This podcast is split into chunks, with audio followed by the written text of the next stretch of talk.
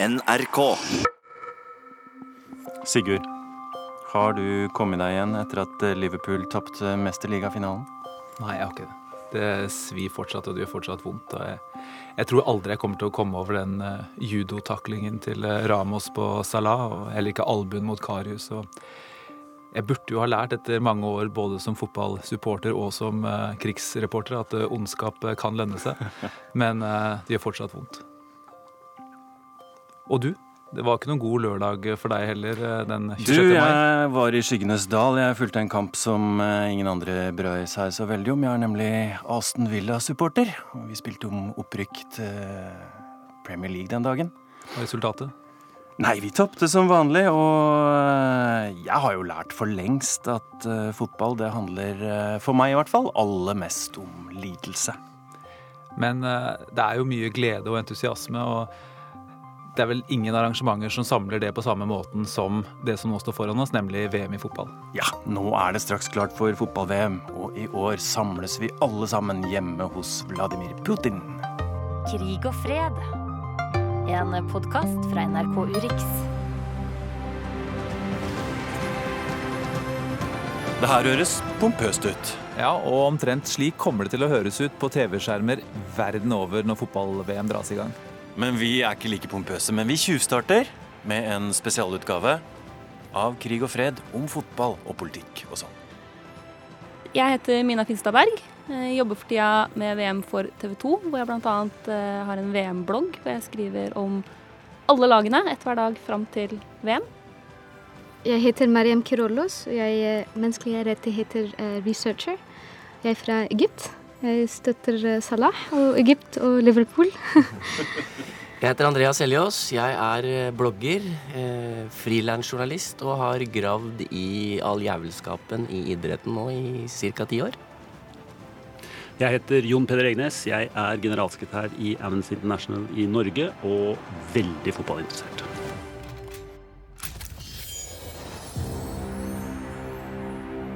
Mina Finstadberg. Mm. Fotballblogger, ekspert hos TV 2. TV 2 og NRK skal vise dette mesterskapet sammen. Har vi lov til å glede oss når det er fotball-VM i Russland? Ja, det syns jeg absolutt at man har. Fotball-VM er jo for mange et sånn definitivt høydepunkt hvert fjerde år. Det er jo noe av det som samler både de som er superinteressert i fotball, og de som syns det er artig å se en kamp i ny og ne. Så det er jo lov til å glede seg til VM. Men så er det selvfølgelig sånn at Russland har eh, holdt på med en del ting som eh, ikke er helt optimale, for å, for å, si det sånn. Den diskusjonen hadde vi også rundt OL i, i Sotsji. Andreas Seljos, du er den som virkelig har gravd i denne dritten. Hvor råttent syns du det er med et eh, fotballverdensmesterskap i Russland? Altså For første gang så gleder jeg meg ikke til fotball-VM. Jeg har gleda meg til fotball-VM i alle år, så lenge jeg kan huske. Uh, og det er jo fordi at jeg har eh, de siste to-tre åra gravd eh, særlig i hvordan Russland fikk fotball-VM. Og det er ikke noe pent syn. Kortversjonen. Eh, ja, og Det dreier seg ikke bare om Russland, men det dreier seg om hele politikken rundt tildeling av mesterskap. Det dreier seg om hva som skjer i Fifa osv.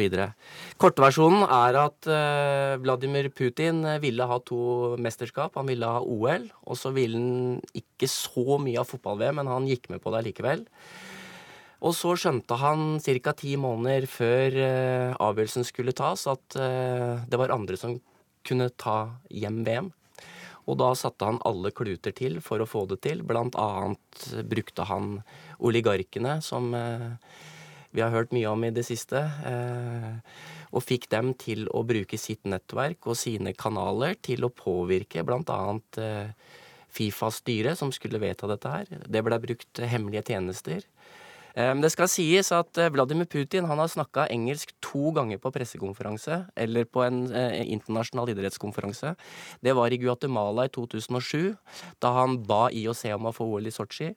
Og det var eh, når han takket for at han fikk fotball-VM i Zürich 2.12. i 2010. Og det var kun for å ydmyke England fordi de ikke hadde fått fotball-VM. Nå er ikke russerne her for å svare for seg, eh, men det har vel aldri blitt påvist eh, konkret at det faktisk har blitt gjort noe, noe lovlig eller juridisk galt her? Nei, altså som politietterforsker så har du egentlig i dårlig kort for å se akkurat på fotball, eh, fotball-VM. Men det er veldig mange indisier som peker på at det var et ufint spill. Eh, I alle rapportene som er lagd i etterkant av eh, eh, tildelingen, bl- blant annet en Fifa-rapport som het Garcia-rapportet, der kommer det fram alt det de andre gjorde gærent, men ingenting av det Russland gjorde gærent, fordi kan man spørre seg hvorfor. Var de bedre til å skjule det, eller gjorde Russland ingenting som var galt? Jeg har sett e-poster og korrespondanse og banktransaksjoner og sånne ting som er ganske mistenkelige. Og jeg har snakket med veldig mange personer som var involvert i det som foregikk rundt. Og de sier i hvert fall at russerne var ikke noe bedre enn de andre. Og åpningskampen den skal altså spilles torsdag 14.6. Russland, vertsnasjonen, spiller mot eh, Saudi-Arabia. Det høres ut som en kamp for deg og Amnesty, dette, Jon Peder Egnes. Ja, det er, jo, det er definitivt en kamp mellom to stater som vi har en hel del høner å, å plukke med. Så, sånn at det er jo en eh, Det var vel noen en, en herværende journalist er det det heter, altså en i NRK som skrev at det var liksom drømmekampen for Amnesty. Eh, Det er jo klart at fotballen er jo smekkfull av paradokser. Og, og det er og, og sånn er det. Og, og jeg som har vært fotballfan så lenge jeg kan huske, jeg, jeg har på sett og vis som privatperson bestemt meg for at jeg må bare måte legge det til side, og så må jeg liksom dyrke den, eh, den interessen eh, som, som noe separat fra jobben min. Så egne regler for fotballen, altså? På sett og vis, altså for, for det å være fotballsupporter så har jeg egne regler. Eh, Men, men som Andreas sier, altså vi har en annen inngang i forhold til både eh, Russland og, og Qatar og andre som har fått, eh, fått fotball-VM, for å konsentrere oss om det nå. Og det er klart at Vi forsøker å bruke dette og kaste lys på menneskerettighetssituasjonen i disse ulike landene. Og der har vi jo også mange medspillere, Josimar og andre, som har liksom gravd fram ting som skjer, som, som, en, som er en direkte sammenheng med hvordan Russland for eksempel, da, styres ellers. Nå er, det, sant, nå er det nærmest unntakslover som innføres under fotball-VM under dekke av at, at man skal ta vare på folks sikkerhet eh, og sånne ting. Men det er klart at her er det, her er det også helt andre ting i spill, og det er en del av det autoritære styret som, som Putin eh, driver i, i Russland. Og, og det er en del av skal vi si, hvitvasking av det. Det er viktig for ledere som Putin og for hans kolleger i Russland å vise fram et annet Russland ut i verden, men kanskje enda viktigere å ha noe folket samler seg om med glede i Russland. Og det er jo litt sånn vårt paradoks også, fordi at vi er jo vi liker folket, for å si det sånn. Vi liker, og vi vil jo ikke fornærme russere. Vi vil ikke si sånn uff, nei, er, ingen autoritære stater burde noen gang få folket der, må ikke få lov til å glede seg. Så, så vi går også en slags balansegang når det gjelder det. da. Vi har jo gode venner i Russland. Mange av dem, mange av dem er også glad for å ha fotball-VM i Russland. De gleder seg til den, til den, festen det er for dem osv. Så, videre. så, så sånn sett er det også en, en balanse man må, må, ta hensyn til. At det er ikke noe vits å, å gjøre menneskerettighetsbevegelsen til fiende med folk flest fordi vi hele tiden skal si dere må, skal ikke få ha det noe gøy. Bismillahirrahmanirrahim. Mohammed Salah og Mohammed Salah. Mohammed Salah. Ya Rabb. Ya Rabb, Ya Salah. يا رب يا رب يا صلاح محمد صلاح محمد صلاح وابا الله الله الله يا بلاد الله الله يا بلاد الله Altså, det må være kampen med Kongo i oktober i fjor. Jeg tror det er en av de beste øyeblikker i livet mitt. Fortell hva som skjedde. Ja, det, det er da at jeg eh, Kongo skåret åtte åttende minutt. Jeg tenkte at vi kommer ikke videre til VM. Plutselig fikk eh, eh, vi en penalty shot, og Mohammed Salah skåret 95. minuttet. Og da ringte min mor og sier at kanskje det finnes en krig eller noe som skjer ute fra huset i Kairo, for hun hører folk rope overalt. Det var, eh, og da ble vi kvalifisert til VM for første gang siden 1990. Hvor var du da denne kampen utspilte seg? Eh, Jeg var på Tøyen, på sofaen min. Da sa jeg på kampen, og jeg ropte akkurat som kommentatoren. Og begynte å si Allahu akbar, og jeg var så redd at noen skal ringe politi. Eh, for, og jeg, eh, jeg, jeg Til nå ble jeg rørt, for det var veldig sterk øyeblikk. Eh, På eh, 88. minutt eh, Kongo eh, hadde et mål, og da ble det ikke uklart. Vi, vi kommer videre til VM. Og for Og da- de av oss som ikke kanskje er så inne i egyptisk landslagsfotball, så er det altså snakk om den avgjørende VM-kvalifiseringskampen mellom Egypt og Kongo. Ja. Straffesparket tas i det 94. minutt. Ja. Alle gråt på TV. Man kan si at alle gråter, og det har vært en eh, drøm for mange. Jeg har aldri sett på VM. Jeg var født i 1990, så jeg aldri fikk se Egypt spille. Og jeg tror for de eldre, de gamle, jeg tror de vil også se Egypt spille i VM før det blir altfor sent. og um, den øyeblikk at Mohammed Salah det, bare, det var helt flawless at han fikk denne mål på 95. minutt. Det ble helt um, Helt magisk følelse. Mm. Men, men Miriam, når Egypt spiller landskamp i fotball, i hvert fall en viktig kamp, hvordan ser det ut i Kairos eh, gater da? Um, du kan bare tenke deg at en by av eh, 20 millioner innbyggere, eller på dagtid kanskje 23 millioner, plutselig blir eh, Bare for å gjøre det mye enklere, fra huset mitt til pyramidene, la oss si, vanligvis kan ta tre timer med trafikk. Det, når Egypt spiller, det kan være 15 minutter. um, og så det er at alle gatene er tomte, folk sitter på kafé eller eh, eh, hos eh, venner. Det er alltid så Alle utesteder er veldig fullt av folk som bare De er enige om en ting. Endelig. Og det er eh, at vi vil at Egypt vinner. Og så har Det har vært mange, mange nedturer, som du sa, men så dukker da denne eh, Mohammed Salah opp. Eh, han har jo ikke vært ukjent fram til i år, men med dette straffesparket og den fantastiske sesongen han har hatt i Liverpool, så har han jo blitt eh, en verdensstjerne. Og, og kanskje Egypts største stjerne siden eh, Om Kalsum og ja. Gamal Abdel Nasser, tenker jeg da. Det er sant. Og um, også det er morsomt at du sier det, for det er ofte um, ganske farlig når du er så populær i et land som Egypt. Men Mohammed Salah til nå han, har, han er ekstremt populært at han fikk uh, masse stemmer på presidentvalget i året, og han var ikke en kandidat. Eh, Folk skrev navnet hans på stemmeseddelen, rett og slett. ja, de gjorde det. Og han er bare Hans bilder er overalt på gater i Kairo, utfra, utenfra Kairo. Han har liksom um, rett og slett sett Egypt tilbake på kartet for, med en helt annen mening, som er ikke bare uh, ikke bare hva som skjer, eller hva Det er ikke, ikke med konflikt, ikke med corruption, men mer om ja, er du fra Egypt? Å, så hyggelig. Jeg liker Mohammed Salah og heier på Liverpool, eksempel. Og det gjør en stor forskjell for oss. For Egypten siden 2011 Alt håp vi hadde i landet, har blitt skadet. Og da, da Mohammed Salah ble skadet i den siste Champions League-finalen det, det, sånn, det, det var så forventet på et måte, for vi kan aldri være glad fra A to Z. Det er alltid noe som skjer. Uh, enten uh, noen blir skadet, eller en military coup, eller ikke sant? Men sånn som nå, uh, hvor mye oppmerksomhet er det knytta opp mot Salah og hans skade i egyptisk media blant egyptere? Altså, vi snakker om det hele tiden, og jeg, jeg, jeg leste en artikkel kanskje en dag etter kampen, at det var en egyptisk advokat som hadde lyst til å så Real Madrid for en billion noen ting før, og reason er for inflicting psychological harm on the Egyptian people. og det her Det er typisk egyptisk, da.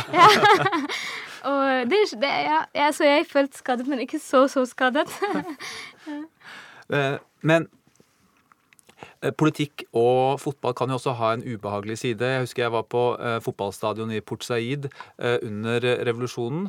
eh, og det var blod over eh, tribunene fortsatt. Og det var da etter en kamp mellom eh, Al-Ahli, som er et eh, Kairo-lag, og Port Said.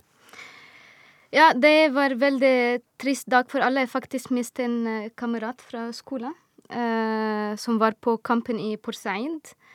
Og eh, det, vi, det vises faktisk hvor um, også fotball er ekstremt politisk i, i Egypt. Uh, spesielt med El Ahli, som har en uh, veldig kjent uh, supporting club, eller alt, The Ultras Ahlawi. Ja, som er som supporterklubben. Så det er ikke Egypts regjeringsfavorittgruppe.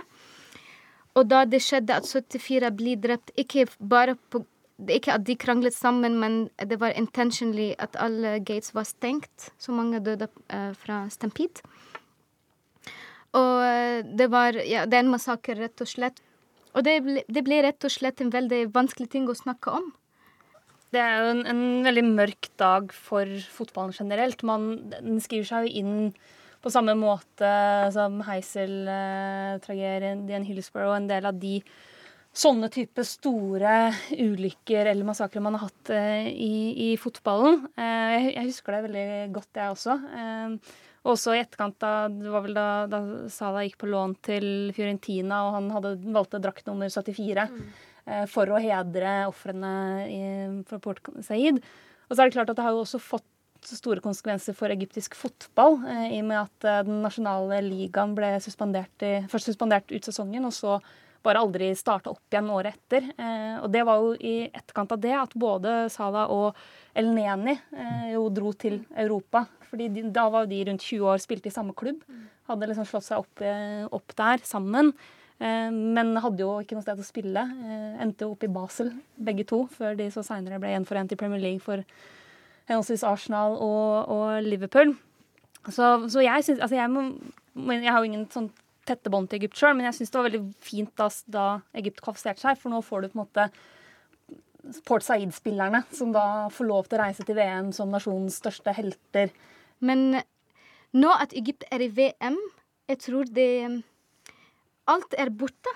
Ikke sant? Man tenker ikke på religion eller Det er Jeg tror vi har aldri vært enige om en ting i hele historien før nå for, eller kanskje siden 1990, at OK, alle støtter Egypt uansett hvilken religion vi har. Og det at Mohammed Salah eksempel er kjent som å være en religiøs mann, dattera hans heter eh, Mekka, uh, det spiller ingen rolle. Han er en fantastisk menneske. Han, ekstre, han, gjør ekstremt mye. Han gir tilbake til uh, samfunnet. Han hjelper alle kristne og muslimene i Egypt. Og det her Jeg tror han er rett og slett egyptisk, ikke sant? Jeg tror uh, Sigurd og Mariam kunne lagd en hel podkast bare om Mohammed Salah og egyptisk landslagsfotball. Ja. Men før vi avslutter denne sekvensen, har de noen sjanse å komme Mohammed Salah til å spille?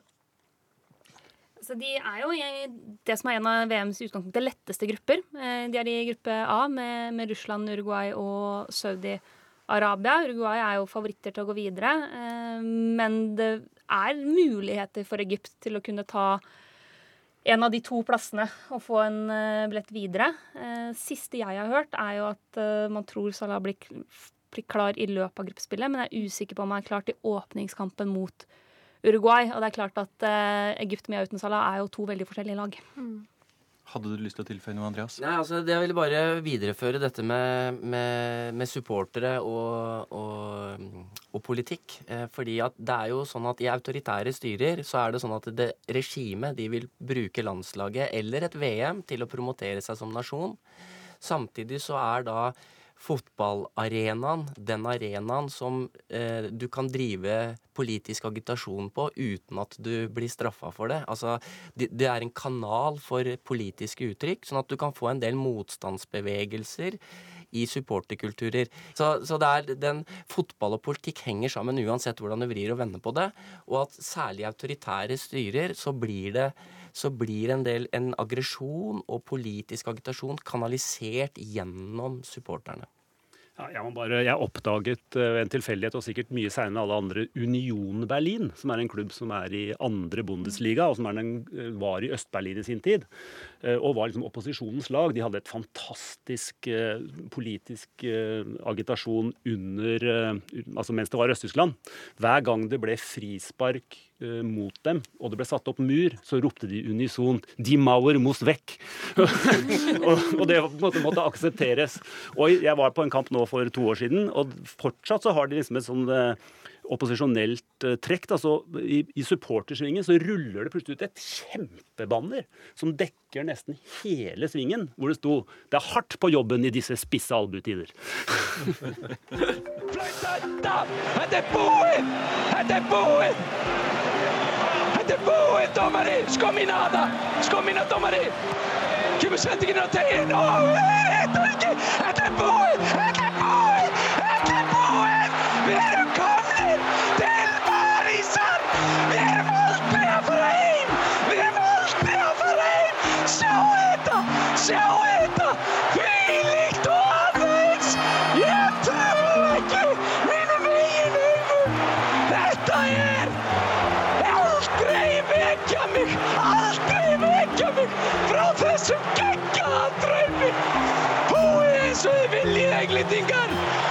Ísland er að fara Stade France á sunnudaginn.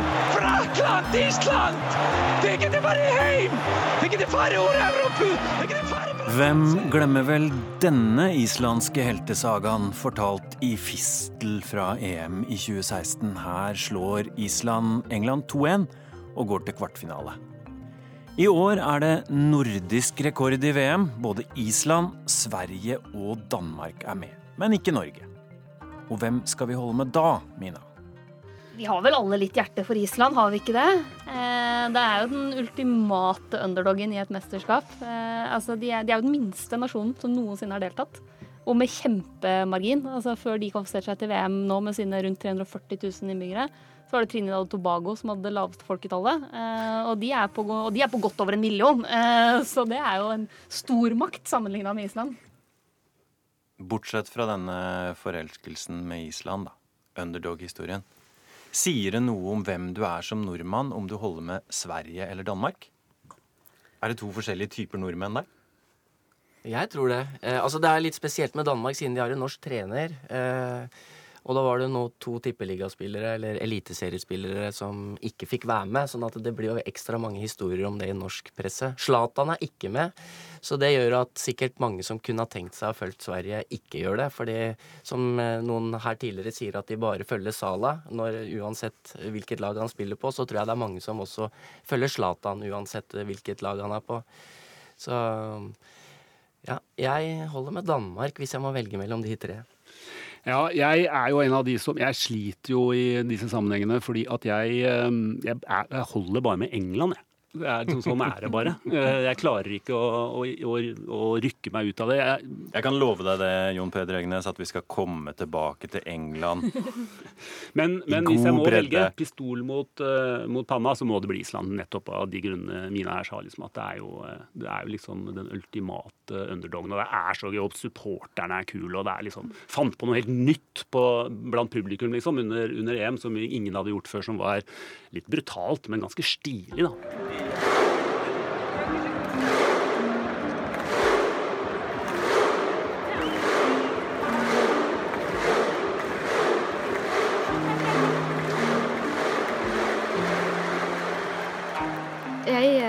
Støtter Island, jeg. Det, jeg tror det er den eneste land som ikke er afrikansk, som jeg støtter i VM i år.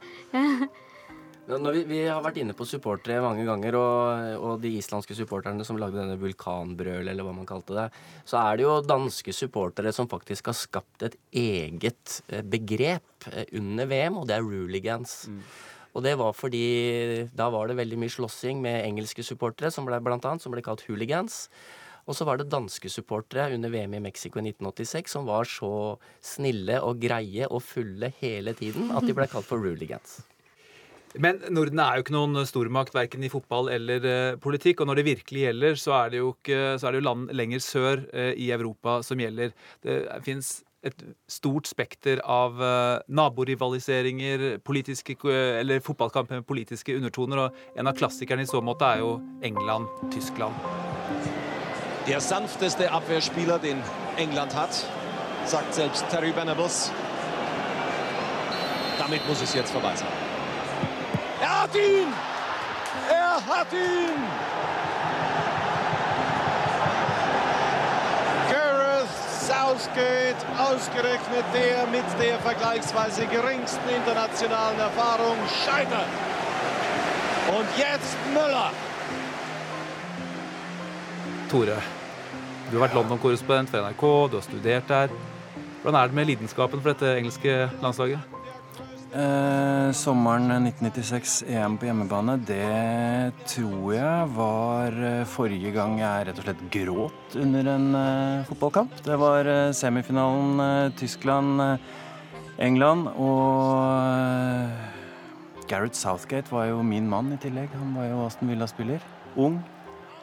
Ikke satt opp til å ta straffe i utgangspunktet. Og Stuart Pears hadde jo akkurat på en måte lagt begravd dette spøkelset. For de hadde jo tapt eh, i semifinalen mot eh, Tyskland i 1990, og Stuart Pearce hadde jo banka inn en ny straffe og på en måte begravd dette spøkelset en gang for alle, trodde vi. Og så kom Gareth Southgate og, og bomma isteden. Og jeg reiste til England eh, den sommeren, faktisk, for å, å studere, og husker jo disse reklamene med Southgate, eh, Waddle og Pierce som satt med pappposer over hodet og bestilte pizza på den lokale pizzarestauranten. Fordi de var så flaue over det. Fordi de var så flaue over dette. De casha rett og slett litt inn på sin egen misere. Og jeg husker jo også da Three Lions Footballs Coming Home eh, ble resirkulert til eh, VM i 1998, så dukka det tyske laget opp, og så sto det Kunts, Kuntz, Kuntz på ryggen til alle spillerne, bortsett fra at det var en som het Klinsmann.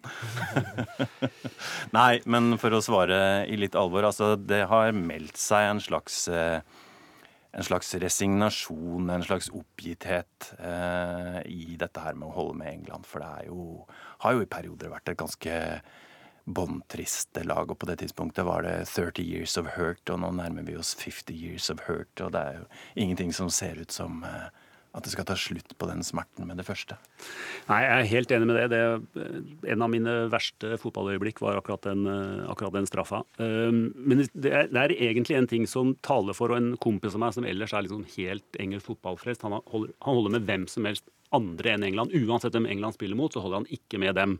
Og det handler om pressen. for Han, han liksom sier at engelske medier liksom later som om England kommer til å vinne alle mesterskap. og Han blir liksom irritert, og det er jeg enig i. Det er veldig irriterende. For vi vet jo nå at det engelske landslaget ikke er godt nok til å vinne ikke dette VM og ikke noen av de som har vært i, det, i de siste åra heller. Så, så, men, men, men, følelsen klarer man jo ikke å, å, å ta kontroll over. Så, um, men, men, jeg har liksom bare slått meg til ro med at det er et middelmådig landslag um, som uh, jeg likevel holder med. Uh, det er, jeg holder med Man United uh, i England, og er, nå er det fire spillere i troppen. Apropos middelmådighet.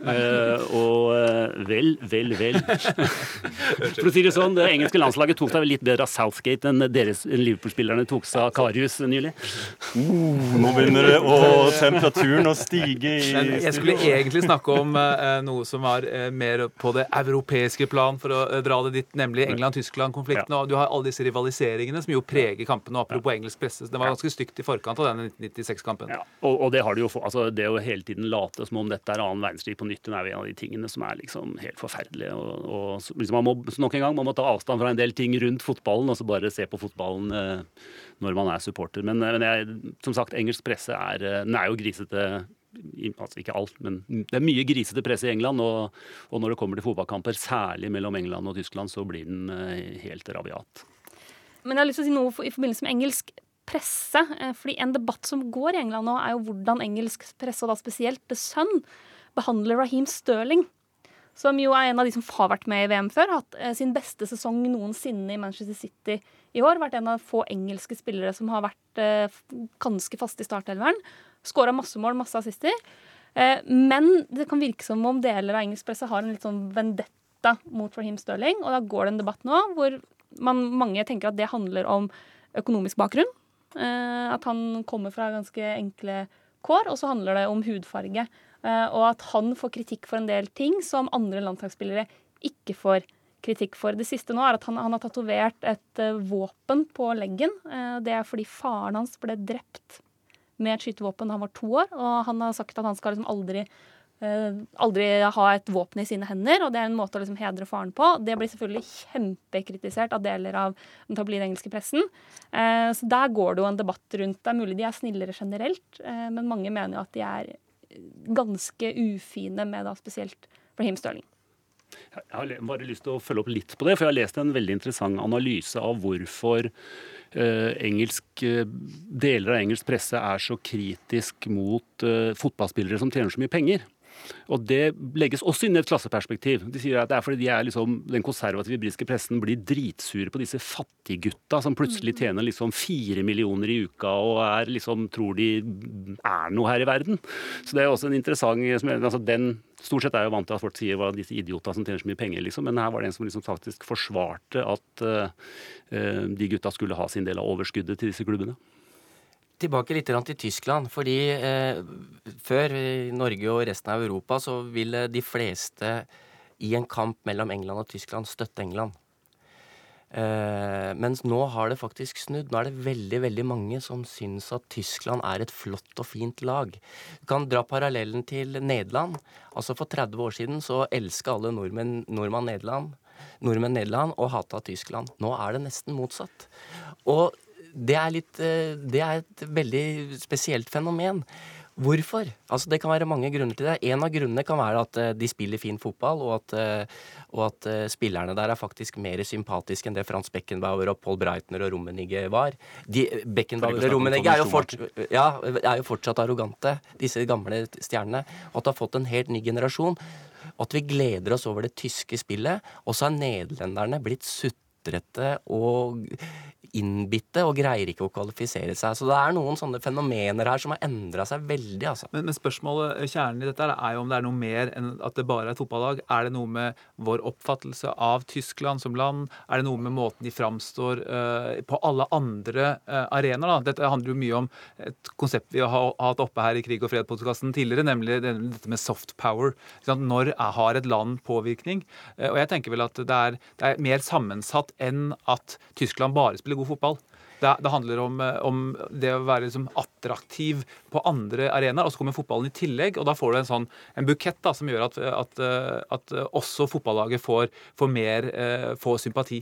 Altså, Tyskland hadde jo en ekstremt streng eh, statsborgerskapspolitikk eh, fram til midten av 90-tallet, begynnelsen av 2000-tallet. Og en av grunnene til at man letta på eh, kravene om å få statsborgerskap, det var jo fotballaget. Altså at man, man så at det bodde mange tyrkere f.eks. I, i Tyskland som ikke fikk statsborgerskap. Eh, nå blir jo Øzil og, eh, og, Gundogan blir jo brukt nå av tyrkiske myndigheter i sin kamp for å få mesterskap og sånne ting, men, men det har skjedd noe med det tyske laget. Altså det er flere som greier å identifisere seg med det tyske laget. Jeg tenkte på å ta en runde eh, på en av de andre politiske, eller fotballstormaktene i Europa, som er Spania. Men Spania har også en veldig spesiell historie hva landslaget og hva nasjonal enhet uh, angår. Og Mina, du har bodd i Spania, du har et nært forhold til det spanske landslaget. Dette er også et land som har gått gjennom mange politiske kriser det siste året. Mm. Catalonia har vi sett en sterk separatistbevegelse. Statsministeren gikk av nylig, eh, ikke helt uten sammenheng med det som skjedde med Barcelona tidligere. Hvordan påvirker det landslaget?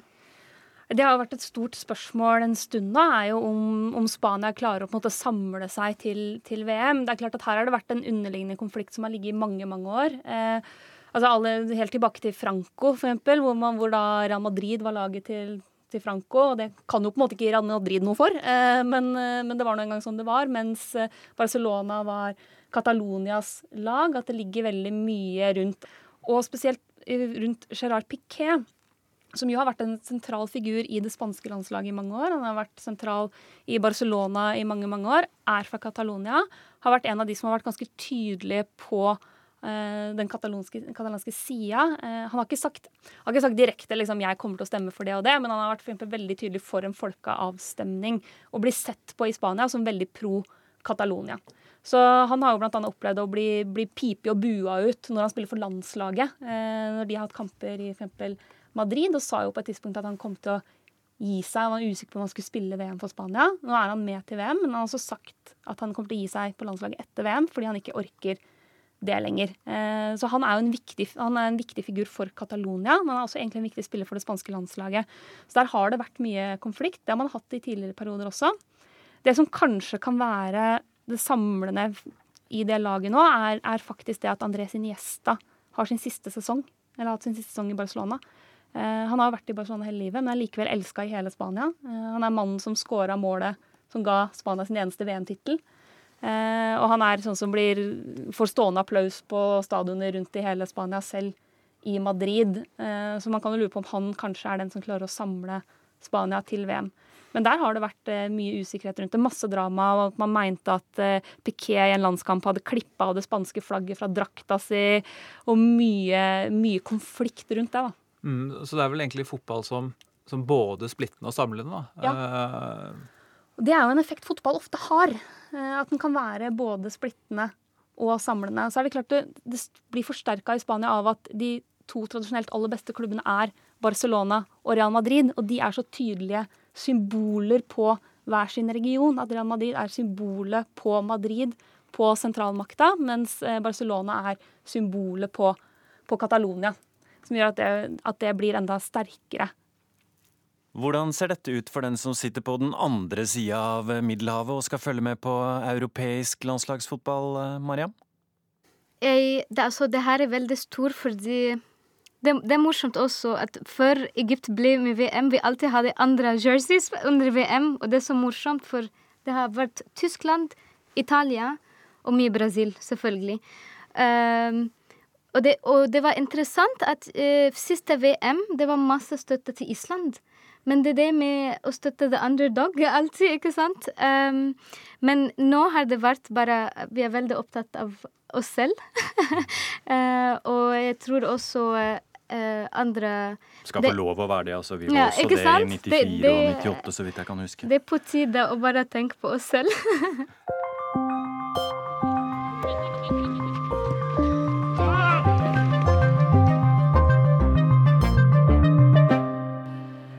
Skal vi høre på et gammelt arkivklipp her? Jeg tror vi skal tilbake til 1978, eh, og så skal vi ta turen over til eh, Latin-Amerika.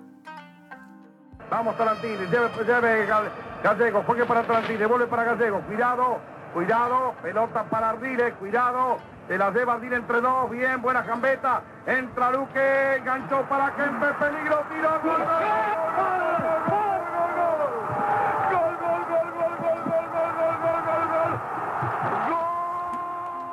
Det er sånn en fotballkommentator skal høres ut. Mario Kempes skårer for Argentina i 1978. Jon Peder Egenes, du har en liten tilståelse å komme med?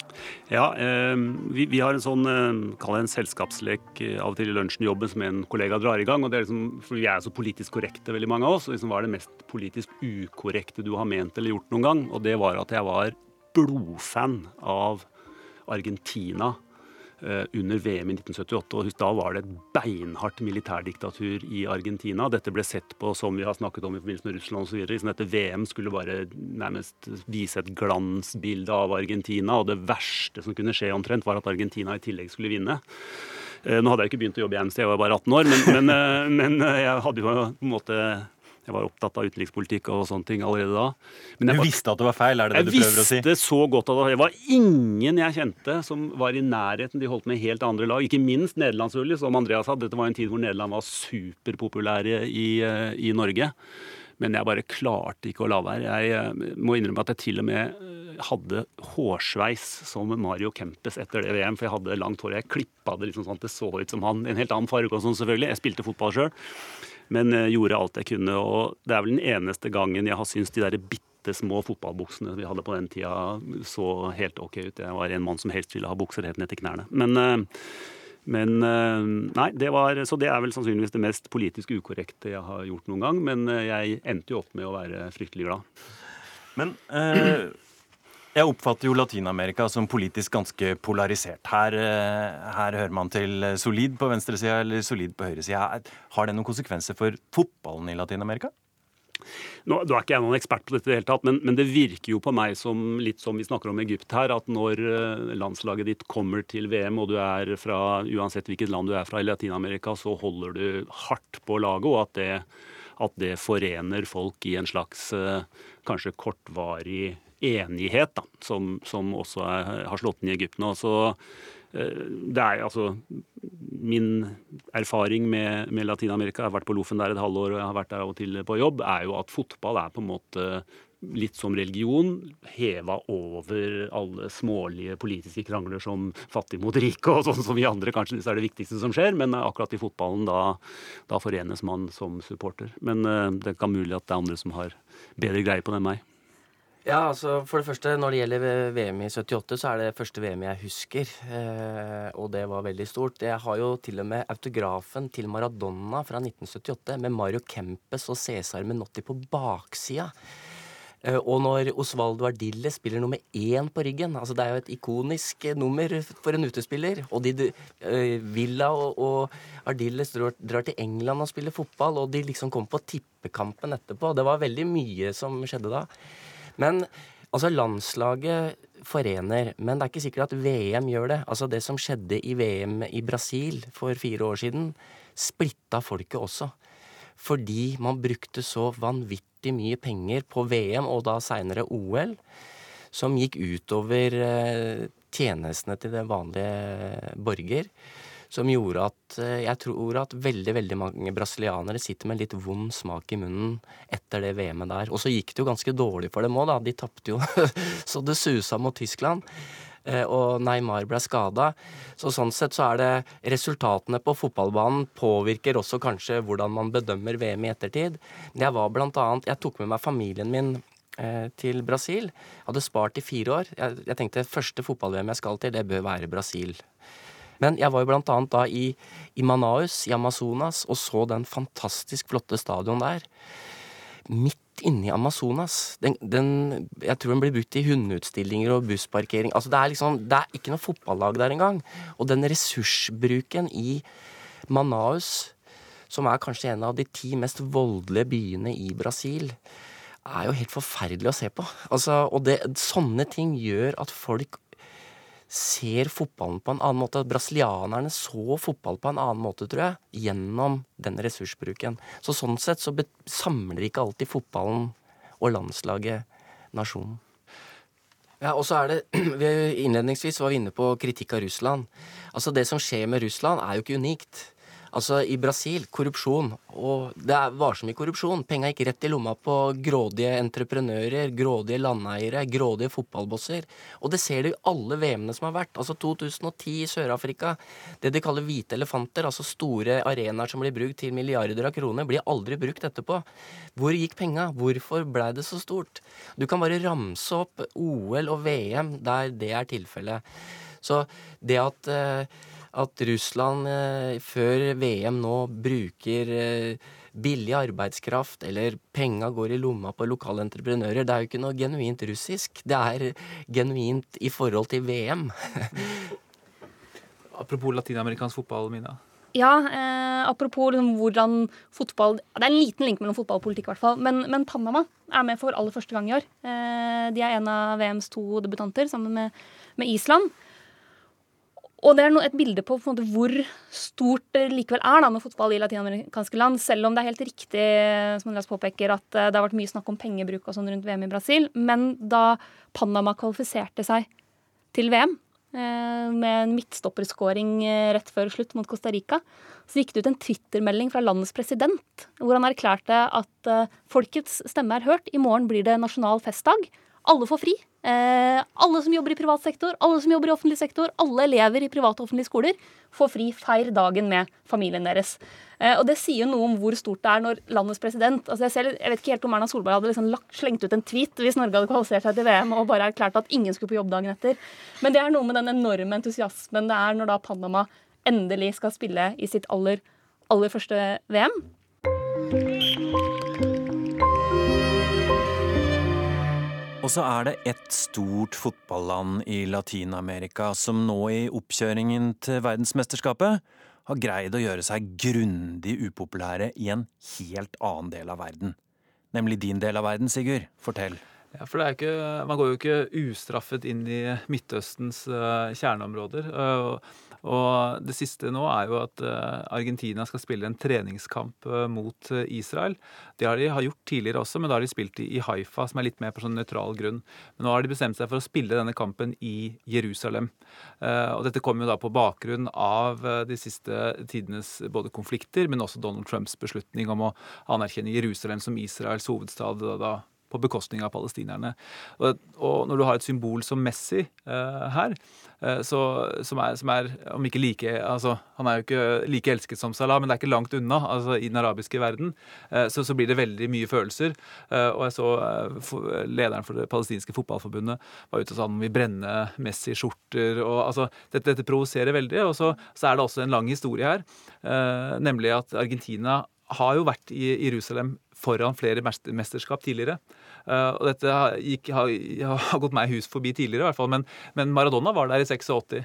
Uh, sånn at uh, Så Argentina er rett og slett oppfatta som pro-israelske? Ja, i den arabiske verden så, og blant palestinere så er de det. Hvem holder palestinerne med, da? De holder med Italia. Hvorfor? Dette er fra 82. Eh, midt under Libanon-krigen så vant jo Italia fotball-VM. Eh, så da gikk jo eh, lederen for det italienske fotballforbundet ut og, og dediserte denne triumfen til det palestinske folk. Og det huskes fortsatt. Men hvis vi skal snakke litt om Midtøsten, så er det jo det store shia-sunni-skisme. Vi har Iran og Saudi-Arabia i samme mesterskap. Som hvis de går videre, kan møtes i en åttendelsfinale. Det blir en realkamp. Ja, Da blir på en måte metaforen til annen verdenskrig mellom England og, England og Tyskland sannsynligvis historie. Da blir det liksom den store krigskampen blir, eh, blir nok Iran-Saudi-Arabia i så fall. Det er jo eh, altså spenningene der, eh, dette vet Sigurd mer om enn meg, men de er jo så enormt sterke nå at det kommer til å bli Det er nesten sånn man får håpe at dette er dem ikke går videre. For å, Forrige gang det var, Iran var i en såkalt hatkamp i VM, var jo mot USA i 1998. Og da leita og undra Fifa seg over hvor dommeren skulle komme fra. Og da var ikke Sveits medlem av FN, så de valgte Urs Meyer, den sveitsiske dommeren, fordi det ville da skape ro. Eh, og da iranerne kommer med blomster til amerikanerne, og de vant kampen, så dette var jo en suksess. Det blir spennende å se hva slags dommer de velger i, i den kampen her. Ja, men det er ikke noe tvil om at eh, For disse landene så er fotball det er noe folk er utrolig opptatt av. Og så er det også eh, veldig mye politikk i det. Så en Iran-Saudi-kamp den vil, den vil bli vanskelig, og særlig gitt da dagens politiske situasjon, hvor disse to eh, sitter jo og styrer mange av konfliktene, og, og, og ganske hensynsløst på andre, andre lands eh, bekostning. Eh, eh, sånn at Jeg vet ikke hvor mye sympati Saudi-Arabia og Iran har andre steder, men i egne land så kommer det nok til å bli et voldsomt engasjement. og jeg kjenner også uh, litt til iransk fotball. Det er ikke noen tvil om at det er et genuint og ekte uh, engasjement, men, men, det kommer selvfølgelig til å preges uh, mye av, det, av, den politiske situasjonen. og Vi står midt oppi en, en, for en veldig brutal krig i Syria som Iran er tett involvert i. Så, så, så, det, så dette er nok et, et, av de områdene hvor, hvor, hvor, man ikke kan unngå den politiske dimensjonen på det. Men hvis det blir en kamp mellom Iran og Saudi-Arabia, så har du halve befolkningen i begge landene som ikke får se kampen, da? Er det ikke forbudt for kvinner å se fotball både i Iran og Saudi-Arabia? Nei, ikke lenger i Saudi-Arabia. Det er en endring som har kommet ganske nylig. Eh, at man faktisk eh, får lov til å dra på stadion. Man er allerede i gang med å tilrettelegge på de største arenaene. Så har man fått inn sånne egne kvinneavdelinger. Og fra og med sesongen neste sesong så skal det være på plass på alle arenaer. Eh, så der har man faktisk kommet et stykke videre. Iran fortsatt ikke lov. Eh, I Saudi-Arabia har man jo også i flere år hatt en sånn undergrunnsk dameliga eh, som har holdt på, på, på egen hånd. Men der har det kommet en endring nå. Men én eh, Midtøsten-kamp, det får vi. For mm, Saudi-Arabia er jo i gruppe med Egypt. Og på den sunnimuslimske siden så er dette her på en måte den gamle stormakten og den nye stormakten som møtes. Og så er det en kamp til her som utspiller seg på sett og vis med rundt Saudi-Arabia, nemlig Qatar. Neste VM skal arrangeres i Qatar 2022, eh, Andreas Seljås. Ja, og den kampen eh, Saudi-Arabia har jo gått i front for å isolere Qatar. Eh, først og fremst ikke på fotballbanen, men den kampen har slått inn som en stålhanske i fotballens verden også. Saudi-Arabia prøver nå å å isolere Qatar også på fotballbanen, og prøver også å frata Qatar fotball-VM i 2022. Det er veldig stygt, det som foregår, og det er veldig mye penger involvert. Saudi-Arabia står bl.a. Bak, et, eh, bak et forslag om eh, å lage en ny klubbturnering eh, for lag i hele verden. De har lagt 25 doll milliarder dollar på bordet for å lage en sånn turnering, og også en, en landslagsturnering. Eh, det er for å få makt, det er for å få innflytelse. Eh, samtidig er det saudiske interesser som eh, står bak forslaget om å utvide fotball-VM i 2022 til 48 lag. Eh, fordi de veit at det greier ikke Qatar å håndtere, og da må de spre VM ut på andre land også. Eh, eller ta det bort fra Qatar. Qatar har jo brukt idrett og fotball som et uh, mykt uh, sikkerhetspolitisk virkemiddel.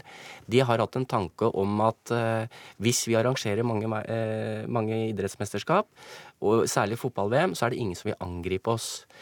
Eh, Men de blir angrepet på veldig mange andre måter enn krig. Bl.a. Blant annet isolasjon og boikott og sånne ting. Det som Qatar håper på nå, det er jo at de ikke blir fratatt VM. Fordi det vil være helt utenkelig at alle de fiendelandene rundt Qatar som kvalifiserer seg til VM, ikke vil sende sine borgere til Qatar for å støtte sitt eget land.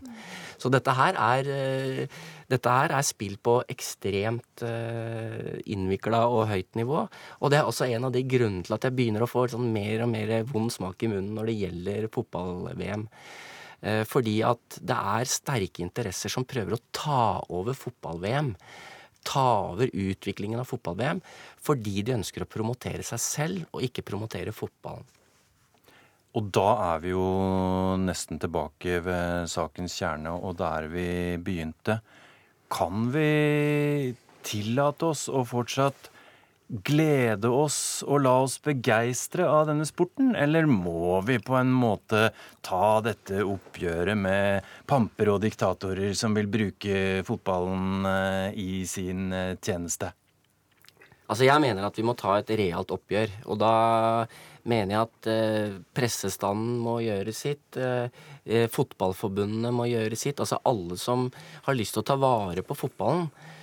Sånn som vi vil at den skal være. Det må jo selvfølgelig utvikles. Men det er ikke sånn at, at statsledere skal bruke fotball-VM for å promotere sitt eget land. Det gjør man hvis man arrangerer det. Det er jo en naturlig grunnen til at en del land vil ha VM, det er jo å promotere sitt eget land. Men eh, å bruke det som et omdømmeprosjekt ved å regjere fotballorganiseringa, det er eh, ganske tvilsomt. Men du sier at vi må ta dette oppgjøret, og ved siden av deg så sitter en mann som er generalsekretær i Amnesty og sier at han har bestemt seg for å bare like fotball og, og, og la Ja, det bli med ja. det. Jo, men det betyr ikke at jeg ikke er veldig enig med, med Andreas. Andreas har sagt noe som, eh, som jeg ikke kan si som Amnesty-mann, men jeg, jeg, sier, jeg sier nå det Andreas har sagt en gang. Vi må bare legge ned hele dritten og begynne på nytt.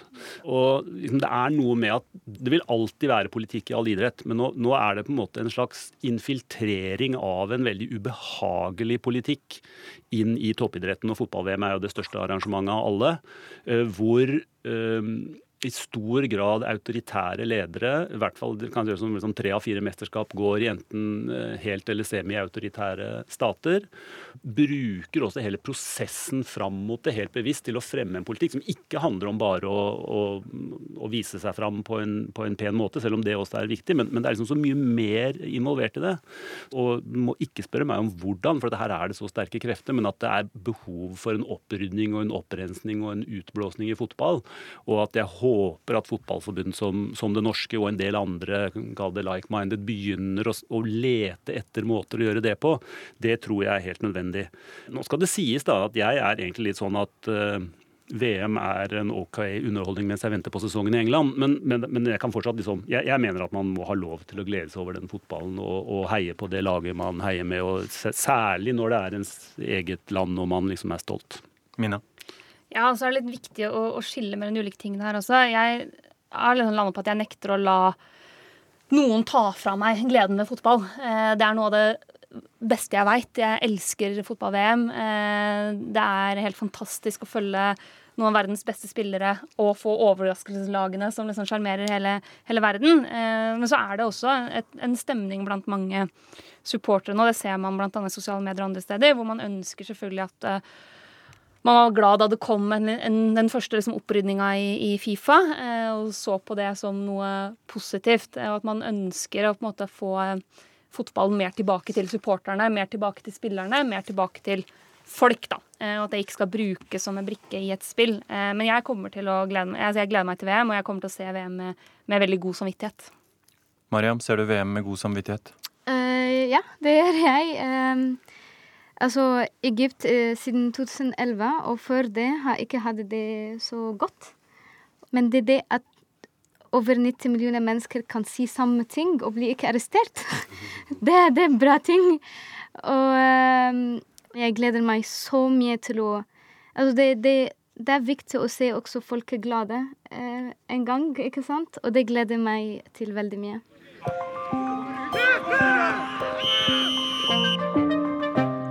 Og så har vi faktisk fått inn en fotballpolitisk nyhet her underveis. Argentina har nå avlyst sin siste oppvarmingskamp før VM. Den som skulle spilles mot Israel i Vest-Jerusalem. Det palestinske fotballforbundet takker Lionel Messi og co. for den avgjørelsen. Mens den israelske forsvarsministeren sier det er trist at argentinske fotballspillere ikke klarer å stå imot de som bare holder med antisemittiske terrorister. Krig og fred og fotball og politikk og sånn der, altså. Vi tar en kort runde til slutt.